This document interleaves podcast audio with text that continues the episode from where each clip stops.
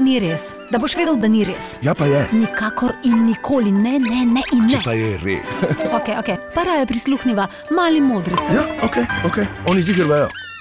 Kaj se lahko mlajši naučimo od starejših? Gorivo poganja kolesa.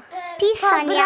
Ker odrasli so že zelo stari, pa ne vejo več toliko stvari. Ampak nas še vedno lahko kaj naučijo. Da lahko pišemo kitajske črke. Pa da nam nekaj kupijo, da se igrajo z njimi. Pa vi vedno poslušate starejše, ko vas pro- poskušajo kaj naučiti, ko vam kaj razlagajo? Da se lahko naučijo šteti. Men, jaz pa znam že, ker sem se naučila od mojega brata šteti eh, do 100. Aha. Brat je tudi starejši, vidiš pa je tebe, mlajšo sestrico, naučil šteti do 100, odlično.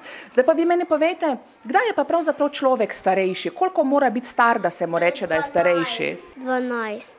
Ali pa 6 ali pa 7. Ali pa veliko. 18. Pa 9. 100. Aha. 100 ne more biti človek star, razen če je full star, pa je že dolgo stal. No, zdaj smo prišli do zanimivega vprašanja, kdaj je človek pa zares star. Nik pravi, da je lahko star 100, da je takrat starejši. 20. Ponavadi starejši ljudje potrebujejo tudi malo pomoči. E, Jaz rada pomagam ati, ko beš operiral.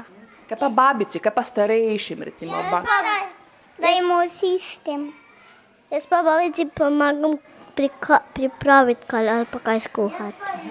Ji pomagam pa spraviti sobo. Jaz jih pomagam takrat, ko ona ene češnje tako ven stroj da in še ven koščiče dajo. No, vidiš, sem ti rekla. Ja, res je. Če kdo ve, vejo oni. Mali modreci! Kaj bo to na radiju ali kaj? Mhm. Ja, na radiju Maribor.